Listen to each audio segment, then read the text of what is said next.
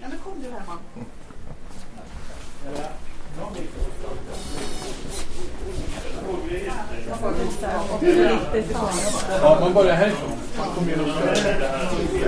Det är juni och Situation Stockholm inviger sina nya lokaler på Timmermansgatan. Mycket är på plats men här och var står fortfarande hantverkare och färdigställer det sista. Mitt i kaoset bjuds det dessutom på smörgåstårta. Jag haffar chefredaktören Ulf Stolt i matkön. Känns det inte lite gammelsvenskt att äta eh, smörgåstårta på en sån här stor invigning? Det är klassiskt. Det är ju, det är ju som, det är som smörgåstårtan har nästan samma, den har nästan samma funktion i, i ett urbant stadsliv som bryggkaffet hade för fackföreningsrörelsen på 20-talet. Ännu Det blir, en, det blir en samlingspunkt. När vi har gjort sådana här grejer förut så har det varit rätt mycket buffé sådär. Eh, Typ, eh, inte, ja men lite plockmat. Men nu, var det, nu, var det, nu vill man ha smörgåstårta. Så det, är, det är försäljarna som har velat ha smörgåstårta. Och vi har bara lyssnat på det helt enkelt. Skulle kunna tänka sig att tacos var annars en modernare variant? Eh, det skulle man, sushi skulle man kunna ha. Men det kan, det kan komma längre fram. Vem vet vad, vem vet vad liksom 3000-talet kommer att ge, så att säga.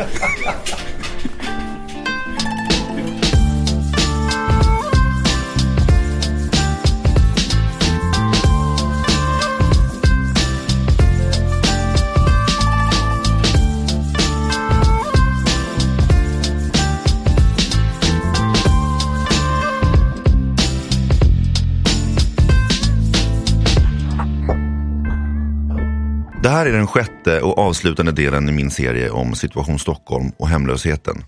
Här kommer vi att lyssna till drömmar om hur framtiden för gatufolket kan förbättras. Podden är ett samarbete mellan tidningen Situation Stockholm och Bauer Media Group. Jag heter Robin Israelsson. Ja, John? Tja, det är Robin.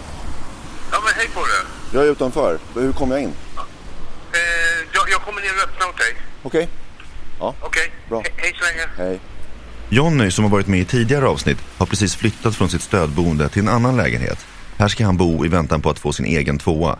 Jag träffar honom och hans nya tjej Linda som är från Kenya. Vi tar en kaffe bland flyttlådorna. Ja, men alltså det här är underbart. Vi, vi, vi hänger nu hela dagarna, eller så fort, så fort jag har en lucka i mina arbeten. Och eh, märkligt nog så kommunicerar vi väldigt bra om dagarna. Särskilt när, vi är, när det är bara jag och Linda. För liksom då har vi den tiden och vi kan med blickar och sen lite svengelska. Och sen om det kör ihop sig så har man ju översättningsprogram i, i, i, i datorn, eller i telefonen.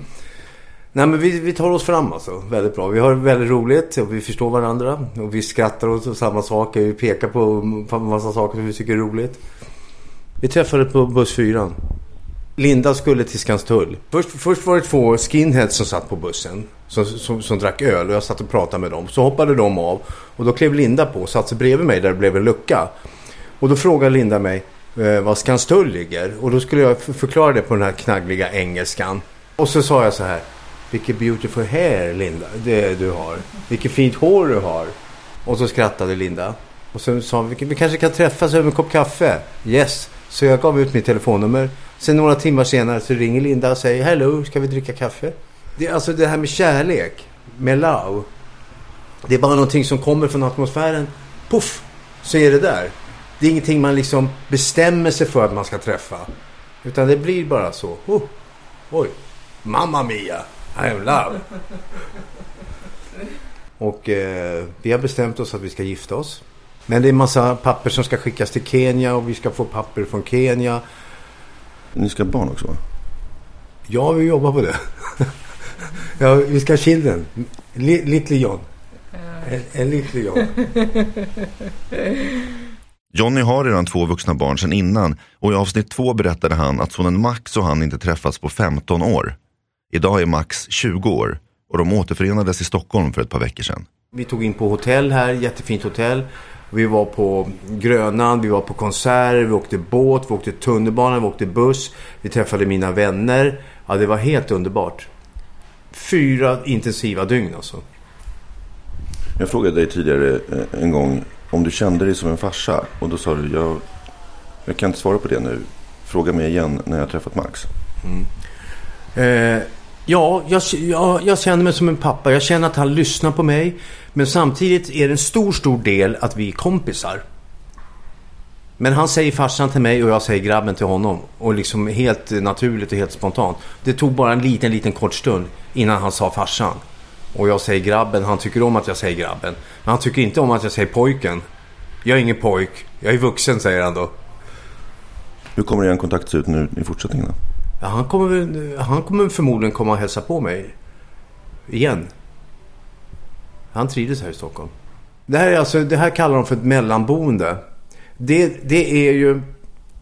Det är fortfarande lite stöd. Det finns, jag har en stödperson här. Som, som följer mig om dagarna. Liksom har lite koll. Hon kan ringa på dörren precis när som helst. Och fråga om det är någonting. Va? Men jag har ju fullkomliga friheter alltså.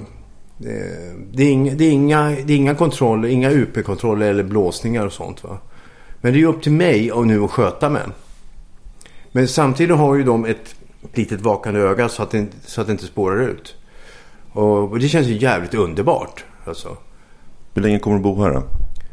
De sa eh, sex månader, men jag vet av erfarenhet att sånt drar alltid ut på tiden. Man blir alltid kvar längre än vad, än vad de säger från början. Så jag räknar med ett år här. Och sen? En, eh, en tvårummare. Tvårum, det här är alltså en stor etta. Och de har lovat mig att jag kommer få en tvårum och kök. Så att jag kan ha ett eh, övernattningsrum för, för mina barn. Så om ett år så bor du i en tvåa, du är gift och du har ett nytt barn på gång. Ja, stämmer. Stämmer. 58 vass. Livet ska levas, vet du. Livet ska levas fort, länge och spännande.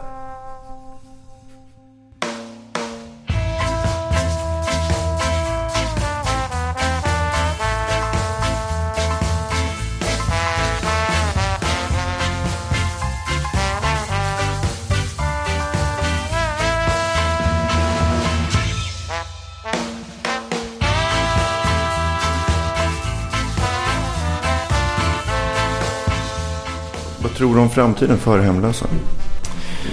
Men det är lite spännande. Carolina Nilsson på Frälsningsarmén. I Stockholms stad, nu om vi tittar på Stockholm just som jag jobbar där, så, så är det lite spännande med den eh, överskridande överenskommelsen som har skett mellan, eller blocköverskridande överenskommelsen som har skett. Och det ska ju det ska bli lite spännande att se för där pratar man ju om hur man vill jobba mot mer långsiktiga lösningar. Eh, innan så har det varit mycket prat om att ta tak över huvudet-garantin och sen när man börjar prata med de hemlösa så visar det sig att de har sovit på härbärget de senaste tio åren. Och det är klart, då har man tak över natten men det, det sker ju ingen förändring i situationen. Men den här överenskommelsen pratar ju just om att man ska hitta långsiktiga lösningar så det ska bli spännande att se. Det har skett en förändring, ska jag ändå säga. Att sen de började använda härbärgena som dagöppna verksamheter så tycker jag ändå att de hemlösa bor någorlunda bättre. Men sen har vi ju en kategori och det är väl den som är den svårare och det är de som inte vill gå in på härbärgen och inte vill ha in på socialtjän- in via socialsekreterare för att man är så besviken på samhället och frågan är hur man då ska hjälpa dem. Det är väl de som är den stora svårigheten. Ja, för den gruppen är intressant. De vill inte riktigt få hjälp av samhället för de känner sig liksom ursprungligen svikna av samhället. Ja, ja men så är det. Man tycker att eh, man har inte fått den hjälpen som man har haft rätt till. Och eh, jag har inte jag pratat med alla, men flera av dem jag pratat med har ju varit svikna från barnsben. Så det ligger säkert någonting i det. Men hur ska man rädda de människorna? Ja, det är ju det som är frågan. Jag vet inte riktigt helt ärligt. Mer uppsökande verksamhet, mer fältarbete, mer skapa relation i deras område. För många av de här människorna mår ju jättedåligt när de ska besöka socialkontoren och det är där det är stopp. Oftast får vi dem med oss så långt så att vi säger att ja, men vi- följer med er, så ja men det är okej och så kommer dagen när vi ska gå dit liksom och då, då, då, då pallar de inte det. Då, då händer det någonting så att vi inte behöver gå dit. Hur kommer ni utveckla era verksamheter? Ja, just nu så har vi... Vår stora utveckling nu har ju varit att vi har startat ett center för EU-migranter. Tidigare har ju alla kommit mellan 9 till 1. Men gruppen blev så stor så vi kunde inte hantera den och de hade så olika behov. Dels språkligt men också vilken kunskap man behövde för att möta de här gästerna. Så nu har vi ju ett, vår senaste utveckling som vi nu försöker få landa och etablera sig i det är att vi har ett center för EU-migranter som är öppet mellan 14 till 17. Så mellan 9 till 1 så har vi öppet för, eh, för våra traditionella gäster om vi kallar dem så och mellan 2 till 17 så har vi, mellan 14 till 17 har vi öppet för emigranter. Så nu håller vi på att få det att gå ihop. Men nu har vi börjat att fälta lite igen. För det är viktigt. Vi skulle vilja starta ett, ett eftervårdsarbete just för de som har gått ur ett missbruk. För man måste ju komma vidare till någonting annat sen. Det måste ju finnas något som möter en och det skulle vi också vilja titta mer på. Tillbaka på Situation Stockholms redaktion och Ulf Stolt. Vad är framtiden för Situation Stockholm som tidning? Jag tror att vi ska Visst, vi måste ju hänga med och det tycker jag vi gör bra i alla tekniska... Jag menar, det är fortfarande ingen stor nyhet i Sverige men det är en rätt stor nyhet internationellt. Varje månad ringer det från något mediehus någonstans. Det är Washington Post eller Guardian eller Die Welt eller någonstans som vill skriva om att våra försäljare tar kort med, med, med, med smartphones och en sån där dosa. Men i Sverige är det ingen som är särskilt, bryr sig särskilt mycket om det. Men det, det är ju det är rätt kul. Så att vi är i framkant där. Vi säljer med sms. Det är också sådana här tekniska lösningar. Sen får vi väl någonstans i framtiden också tänka med läsvanor med, med, med att göra tidningen kanske parallellt tillgänglig i, på läsplatta och sådana där grejer. Så det där håller vi väl ett öga på hela tiden. Men jag tror att vad vi ska, vad vi ska fortsätta göra det är tror jag, att hålla på med basnäringen. Vi ska göra en tidning för det är vi bra på. Vi är bra på att stimulera människor att sälja den tidningen. Och samla sen de texterna som kommer i böcker för att sprida historien som de själva skriver. Jag tror att vi, vi har nog hittat det vi ska hålla på med. Sen ska man förädla det hela tiden. Och sen, jag menar, ingen hade ju för tio år sedan kunnat, kunnat förutsatt hur sociala medier skulle komma att se ut och hur man skulle använda det och sätta ihop det till då var ju, hade ju alla fullt sjå att få upp en hemsida. Liksom. Så att det, hålla ett öga på det där så att man inte blir frånåkt i några sådana utvecklingar. Men sen basically fortsätta göra det vi gör och bara göra det förfina redskapet. Liksom. Polisen Mulle Lindberg tror att mycket av problematiken som leder till utsatthet i vuxen ålder kan snappas upp redan i skolåldern. Nej, jag vet inte. Jag är ju en eldsjäl vad som gäller skolan. Jag tror att kan man hugga folk där från ja, klass 5 då vi börjar ge lektioner i lag och rätt. Det kan låta väldigt enkelt och det är inte så mycket krut som läggs på det inom Polismyndigheten. Men jag tror att kan man börja där någonstans och i alla fall försöka få till att polisen är någonting som kan finnas i, som finns i din skola. Inte bara kommer då det har hänt någonting. Utan finns i skolan och eh, följer dig kanske från femman till eh, högstadiet, skolans slut. Kanske även, jag har ju gymnasieskolor också, då ser jag när folk kommer från högstadiet och börjar i gymnasium. Och från barn till att det blir en fullvuxen som man kan sen se med en familj. Och de kommer ihåg en och kanske säger ja men jag kommer ihåg det när, när du var i högstadiet och läste bra. Då kanske det har gjort något intryck i alla fall i det, i det stora hela. Sen att man inte räddar världen, nej, det kan man inte ha som en, en seriös tro att det blir så heller. Men jag tror att kommer man in och pratar med folk från början innan eh, det har gått för långt och ger dem bra knuffar i vissa rätt riktningar, då kan det det kan vara någonting som de kanske har eh, haft nytta av. Det är vad jag vill i alla fall. Vill ni tillägga någonting mer? att komma ihåg att hemlöshet är ingen egenskap. Det är en situation man befinner sig i. Alltså. Det är väldigt viktigt. Ofta när man pratar med människor som kanske inte så att säga, har någon närhet till den här världen så kan man uppfatta att man tänker att det här är speciella sorts. Men det här är vem som helst, du och jag. Många har i och för sig farit mycket illa. Många har gjort en lång resa kan man säga med, på samhällets kant. Det är det. Men det är fantastiska människor vi möter, ska jag säga. Fantastiska. Många, må, lång erfarenhet av livets olika sidor. Det sa Ebbe Lindström på Erstabacken. Vi avslutar med att höra Jonny berätta sin vision igen. En fri men trygg lösning för de som behöver veta att stöd finns men som i största mån vill och kan klara sig själva. Jag har en vision om fungerande boende för gatuskadade. Alltså. Det är gruppboende och det skulle gå i så fall gå till på det här viset. Kommun har sex, sju lägenheter som ligger ganska, ganska tillsammans ihop så här. Ett gemensamt utrymme med en personal som kanske är där halvtid, en lördag eller en söndag var 14 dag, en kväll i veckan eller två kvällar i veckan några timmar och ha lite koll och som man kan bolla saker och ting med så har man då något system där som man ska anpassa sig efter. Att det ska, det ska finnas regler och normer till en viss gräns. Alltså, då, alltså jag, jag får en egen lägenhet. Jag får sköta mig helt själv. Men det finns backup i nära och det finns lite koll och så här. Det skulle alla tjäna på. Alltså många i min situation som har levt på gatan och hemlös utsatthet i missbruk i 30-40 år, 30 år.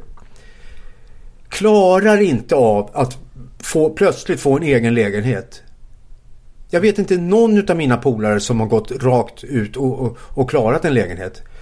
Det spricker efter ett tag för det blir något återfall. Det händer någonting. Killen eller tjejen börjar må dåligt. Helt plötsligt så har man fria händer. Man får en lägenhet. Fan, jag, får ta, jag, kan ta, jag kan öppna, jag kan gå till bolaget och köpa en öl och sen kan jag gå hem med den utan att någon hindrar mig. Fan, oj jävlar jag gör det. Jag tar mig en pilsner va. Men bor man på en sån här gruppboende då finns det ju lite kontroll hela tiden. Va? Men, Men varför finns inte det här idag då? Ja, det vet inte jag. Jag tog upp det här med förra regeringens eh, socialbo eller eh, Stockholms, eh, fan heter det, Moderaterna, Köning där. Jag var på några av hennes möten och tog upp det här med gruppboende. Och de noterade och de la in det i programmet men det rann ur sanden. Eh, jag var skriven i Botkyrka kommun, en grannkommun till Stockholm. Där hade de också en variant på gruppboende men det var, de hade en lägenhet på, på försök. Med en lägenhet där bodde fyra missbrukare och det, det, det funkade ju överhuvudtaget inte. De håller på att experimentera med oss. Vi är alltså försöks, försöksmänniskor. De provar, de provar något nytt. De slår ihop flera boende till ett som i Västberga. Och så nu testar vi hur det här ska gå då. På bekostnad av oss alltså. Alltså de, har, de kallar inte in expertisen som, som har erfarenhet utav detta. Fan om det inte är dags snart att börja göra det. Liksom titta och fråga oss lite mera. Mm. Men nu, nu börjar, jag har pratat med socionomer och behandlingsassistenter om min idé. Och de tycker att den är jättebra. Mycket, mycket bra. Gruppboende, det är någonting som saknas i samhället. Det här var det sista avsnittet i min serie om Situation Stockholm och hemlösheten. Här lämnar jag gatufolket för den här gången.